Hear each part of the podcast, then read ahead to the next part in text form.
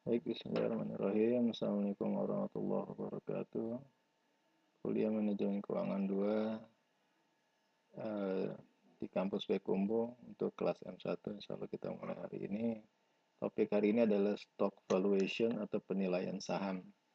Jadi eh, berhubung kondisi yang eh, terjadi di negara kita, juga di Sumatera Barat, di Payakumbuh, Padang, dan kota lainnya, kita mengadakan perkuliahan secara online. Jadi Anda diharapkan juga bisa mengikuti melalui uh, handphone atau melalui laptop. Dan juga disarankan Anda untuk tetap di tempat, tidak berpergian saat untuk saat ini. Baik, untuk kuliah hari ini kita akan masuk ke penilaian saham.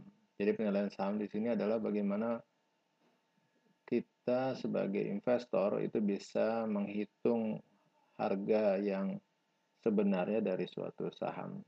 Ya, jadi saham adalah suatu surat berharga yang sebagai bukti kepemilikan perusahaan. Jadi kalau kita memiliki saham, artinya kita juga memiliki perusahaan. Kemudian ketika kita membeli saham, tentu kita harus tahu harga yang wajarnya berapa gitu ya harga yang ada di pasar atau di bursa itu bisa saja lebih mahal atau mungkin lebih murah dari yang sebenarnya. Nah, jadi di sini kita akan mencoba untuk menghitung nilai saham, harga saham yang seharusnya ya menggunakan beberapa dengan menggunakan beberapa model yang uh, ada ya misalnya menggunakan dividen dan model-model lainnya. Nanti kita uh, lanjutkan pembahasannya di uh, rekaman selanjutnya. Baik, kemudian kita lihat untuk uh, penjelasan di slide kelima ya, di slide kelima tentang perbedaan antara debt utang dengan equity atau saham. Jadi untuk uh, ya di sini ada haknya masing-masing ya dan juga ketentuan lainnya. Misalnya utang itu tidak memiliki uh, suara di manajemen, maksudnya bagi kreditor ya. Jadi sumber dana perusahaan kan ada dua, ada utang, ada saham.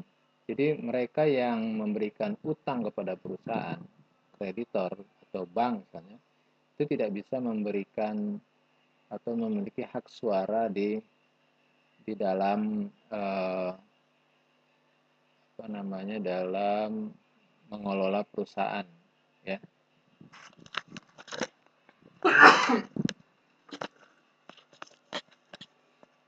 Jadi mereka cuma berkontribusi dalam dana saja tidak ikut dalam memiliki uh, uh, istilahnya apa yang dimiliki hak itu oleh oleh pemegang saham tidak dimiliki haknya oleh pemegang obligasi atau misalnya oleh eh, pihak-pihak uh, lain yang menyumbang menyumbangkan atau memberikan utang. Jadi itu bedanya yang pertama. Kemudian untuk eh, klaim terhadap pendapatan dan aset perusahaan ini maksudnya ketika perusahaan membagikan laba ya maka terlebih dahulu tentu harus membayar utang ya.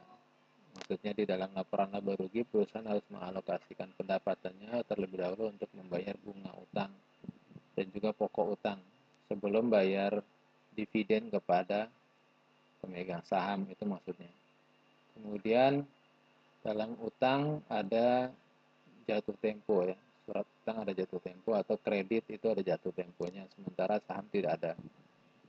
Kemudian dalam perlakuan pajak ada pengurangan pajak, ya, pengurang pajak ya, untuk utang dan ekuitas, e, sementara ekuitas tidak ada. Ya, jadi itu perbedaannya antara utang debt ya dengan equity.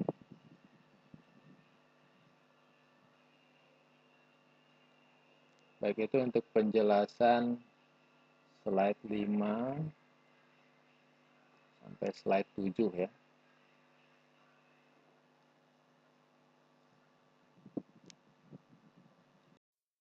Baik, eh, bismillah kita lanjutkan untuk penjelasan mengenai penilaian saham.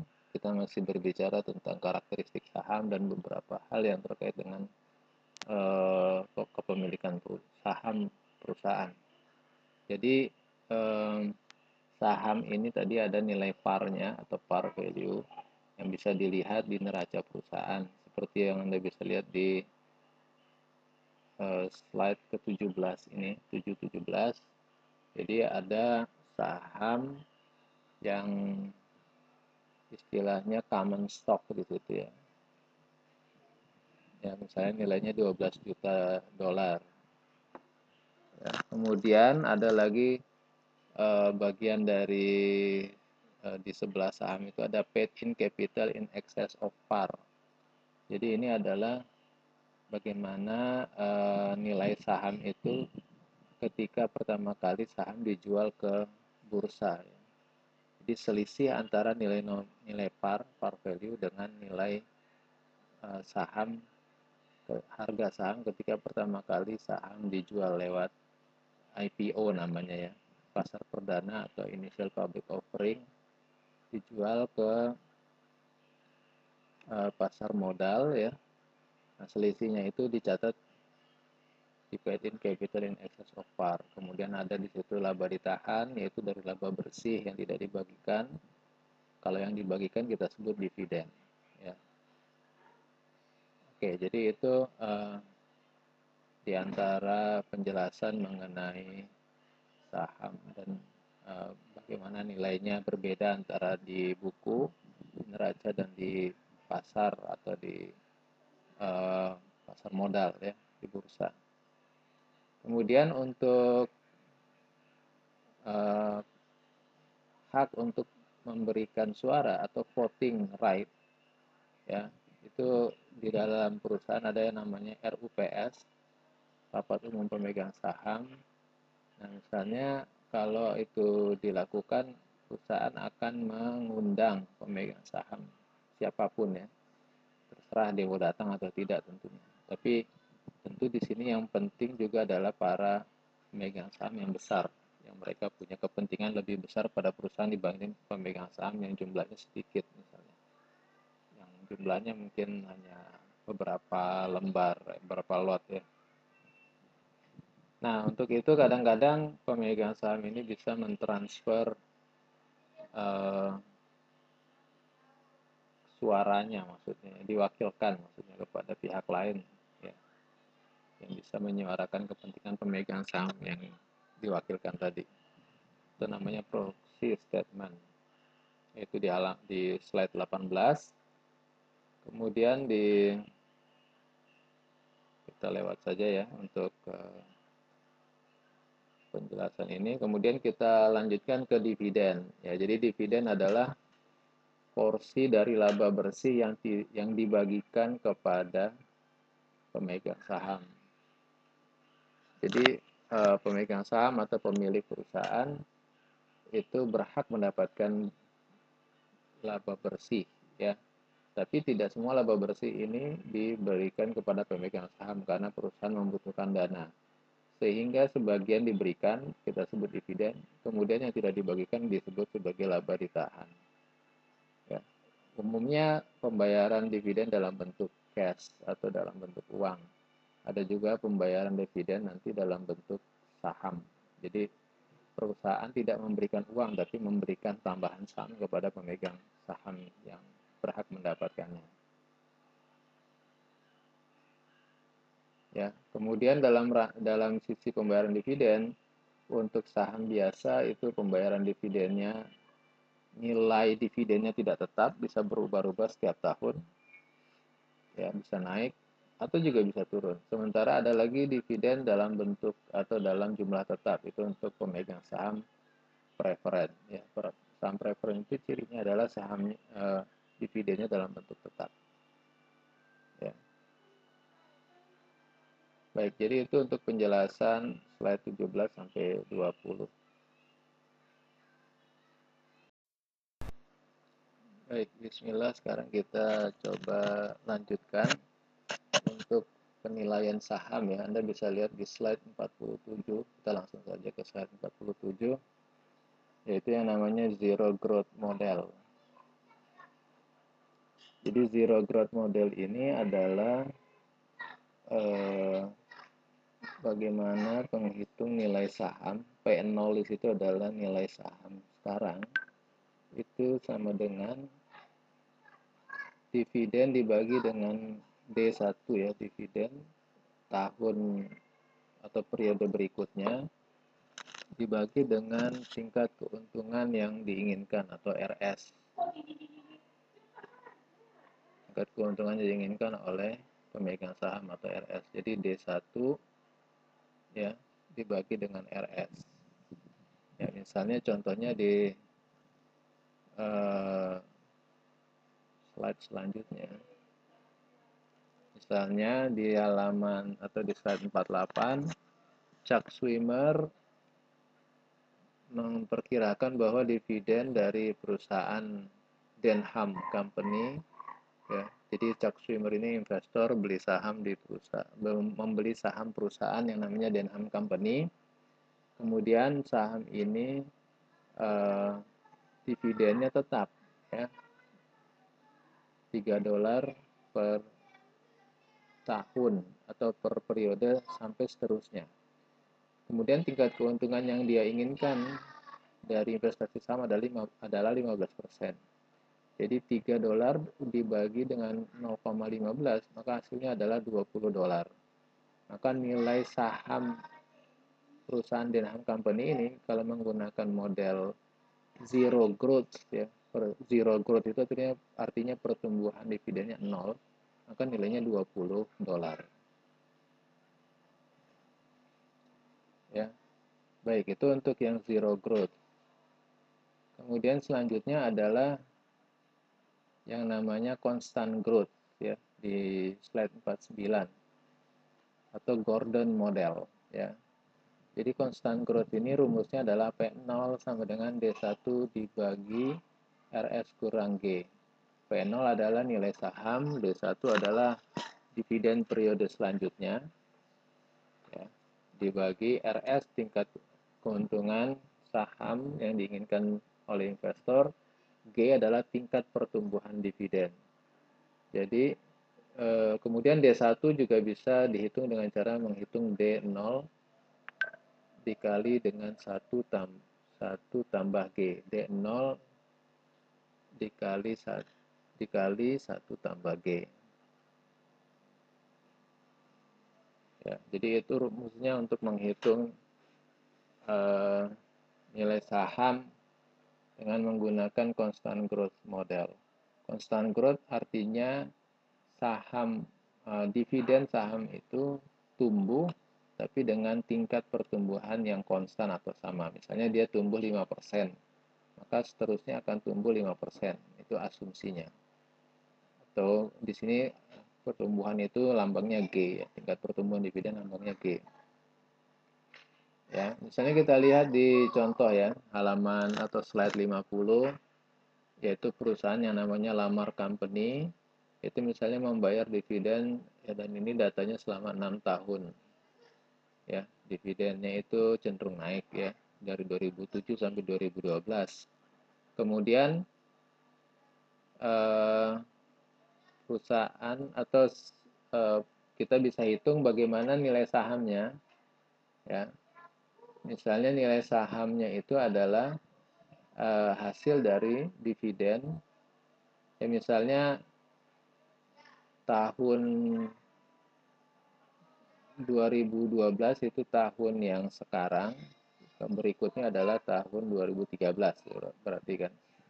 Nah, di tahun 2012 dividennya 1,4 ya.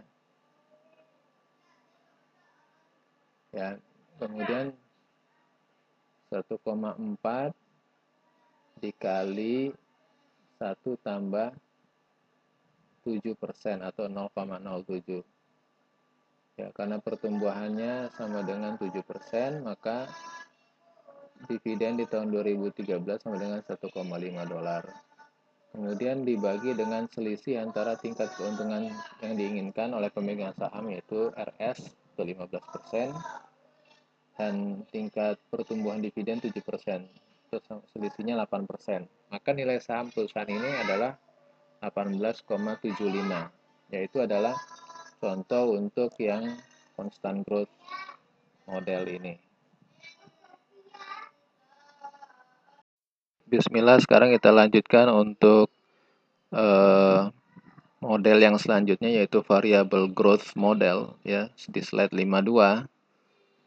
Uh, jadi variable growth ini adalah bentuk lain dari uh, perhitungan nilai saham dengan asumsi bahwa ada pertumbuhan atau tingkat pertumbuhan dividen yang berbeda ya atau ada dua tingkat pertumbuhan dividen. Jadi misalnya untuk satu periode beberapa tahun itu dengan tingkat pertumbuhan pertama, kemudian tahun-tahun berikutnya dengan tingkat pertumbuhan yang berbeda.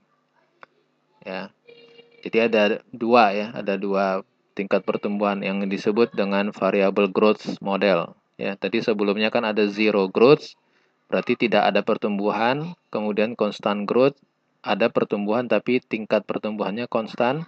Kemudian variable growth ya pertumbuhan dividen dengan tingkat pertumbuhan yang tidak konstan atau variabel berubah ya. Baik, jadi kita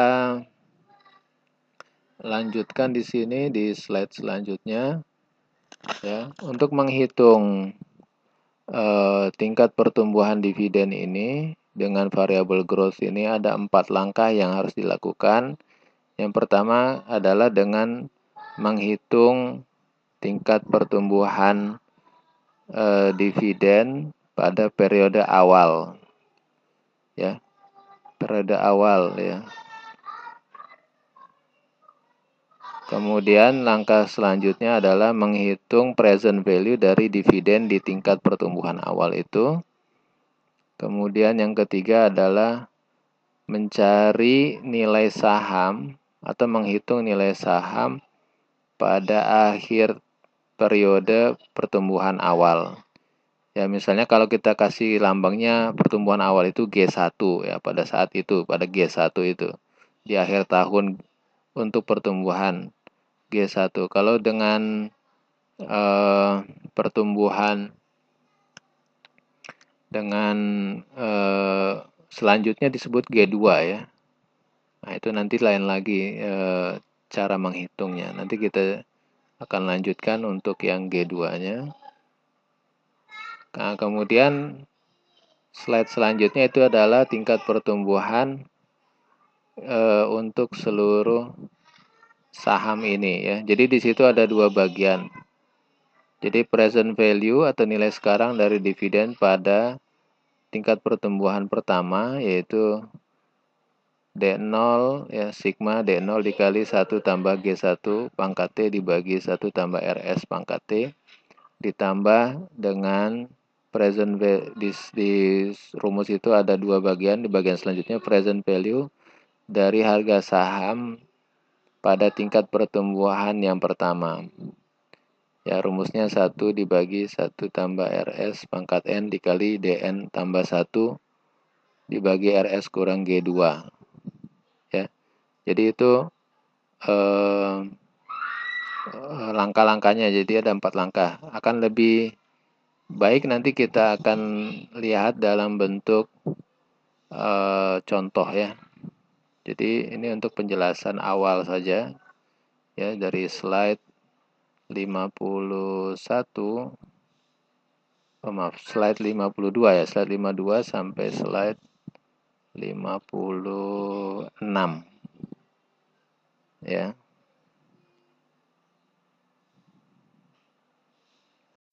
Bismillah sekarang kita coba lihat contoh soal untuk variable growth model yaitu di di slide 57. Jadi eh, untuk contohnya adalah misalnya perusahaan yang nam apa perusahaan menerbit menerbitkan atau membayar dividen ya tahun 2012 perusahaan namanya Warren Industry membayar dividen tahun 2012 uh, sebesar 1,5 dolar. 1,5 dolar per lembar saham. Kemudian manajer perusahaan ini ya manajer keuangan perusahaan ini memperkirakan bahwa dividen ini akan meningkat sebanyak 10% setiap tahun. Ya jadi dividen Eh, perusahaan ini akan meningkat sebesar 10% setiap tahun selama tiga tahun ke depan. Berarti kalau sekarang 2012, berikutnya adalah 2013, 2014, dan 2015. Jadi 2000 eh, tiga tahun itu pertumbuhan dividennya adalah 10%. Kemudian pada akhir tahun eh, ketiga atau selanjutnya tahun keempat berarti ya ada pertumbuhan dividen yang menurun menjadi 5%. Ya, jadi setelah 2015 itu pertumbuhan dividennya adalah 5%. Ya, jadi pertumbuhan yang pertama G1-nya 10%, pertumbuhan dividen yang kedua G2-nya adalah 5%. G1 terjadi selama 3 tahun, 2013 sampai 2015. Kemudian pertumbuhan dividen di tahun selanjutnya 2016 sampai seterusnya adalah 5% per tahun atau G2. Lalu tingkat keuntungan yang diinginkan oleh investor saham atau RS adalah 15%. Oke, kemudian untuk menjawab pertanyaan ini maka langkah 1 dan 2-nya bisa dilihat di tabel 73 ya, slide uh, selanjutnya yaitu slide 58 ya jadi di situ bisa dilihat bahwa pertumbuhan dividennya itu adalah sebesar 10% untuk tiga tahun pertama ya. Jadi pertumbuhan uh, dividen awalnya kan 2012 itu 1,5 kemudian meningkat 10%. Nah, tahun 2013 dividennya menjadi 1,65 ya. Jadi di kolom ketiga itu adalah dividen di tahun 2013. Nah, tahun 2014-nya naik lagi 10% menjadi 1,82. Nah, tahun 2015-nya naik lagi menjadi 10% menjadi 2 dolar ya. E, itu dividen tahun 2015. Kemudian kita langkah berikutnya adalah menghitung present value ya. Ya, langkah keduanya adalah menghitung present value dari dividen 2013 sampai 2015 tadi. Kemudian selanjutnya adalah dengan membagi dividen tadi ya dari 1,65 misalnya dibagi dengan 1,15. Jadi pembaginya itu adalah 1 plus tingkat keuntungan yang diinginkan yaitu 15%. Kemudian untuk tahun 2014 1,82 dibagi 1 ditambah 15% pangkat 2 atau sama dengan 1,323. Yang hasilnya itu untuk eh, present value-nya adalah 1,43, 1,37, 1,32 yang totalnya adalah 4,12 dolar. Ya, jadi ketiga dividen ini ketika dicari present value-nya, totalnya adalah 4,12 dolar. Nah, itu untuk langkah 1 dan 2 dalam perhitungan dividen dengan model variable growth ini.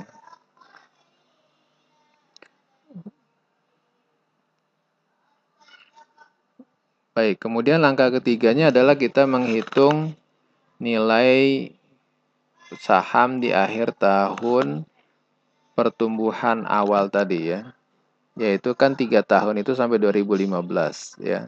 G1 pertumbuhan 10% itu sampai tiga tahun ke depan sampai 2015.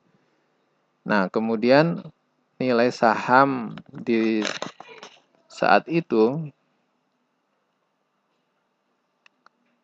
ya nilai saham di saat itu ada itu yang menjadi uh, yang ingin kita ketahui jadi itu bisa dihitung dengan cara menghitung dividen tahun 2016.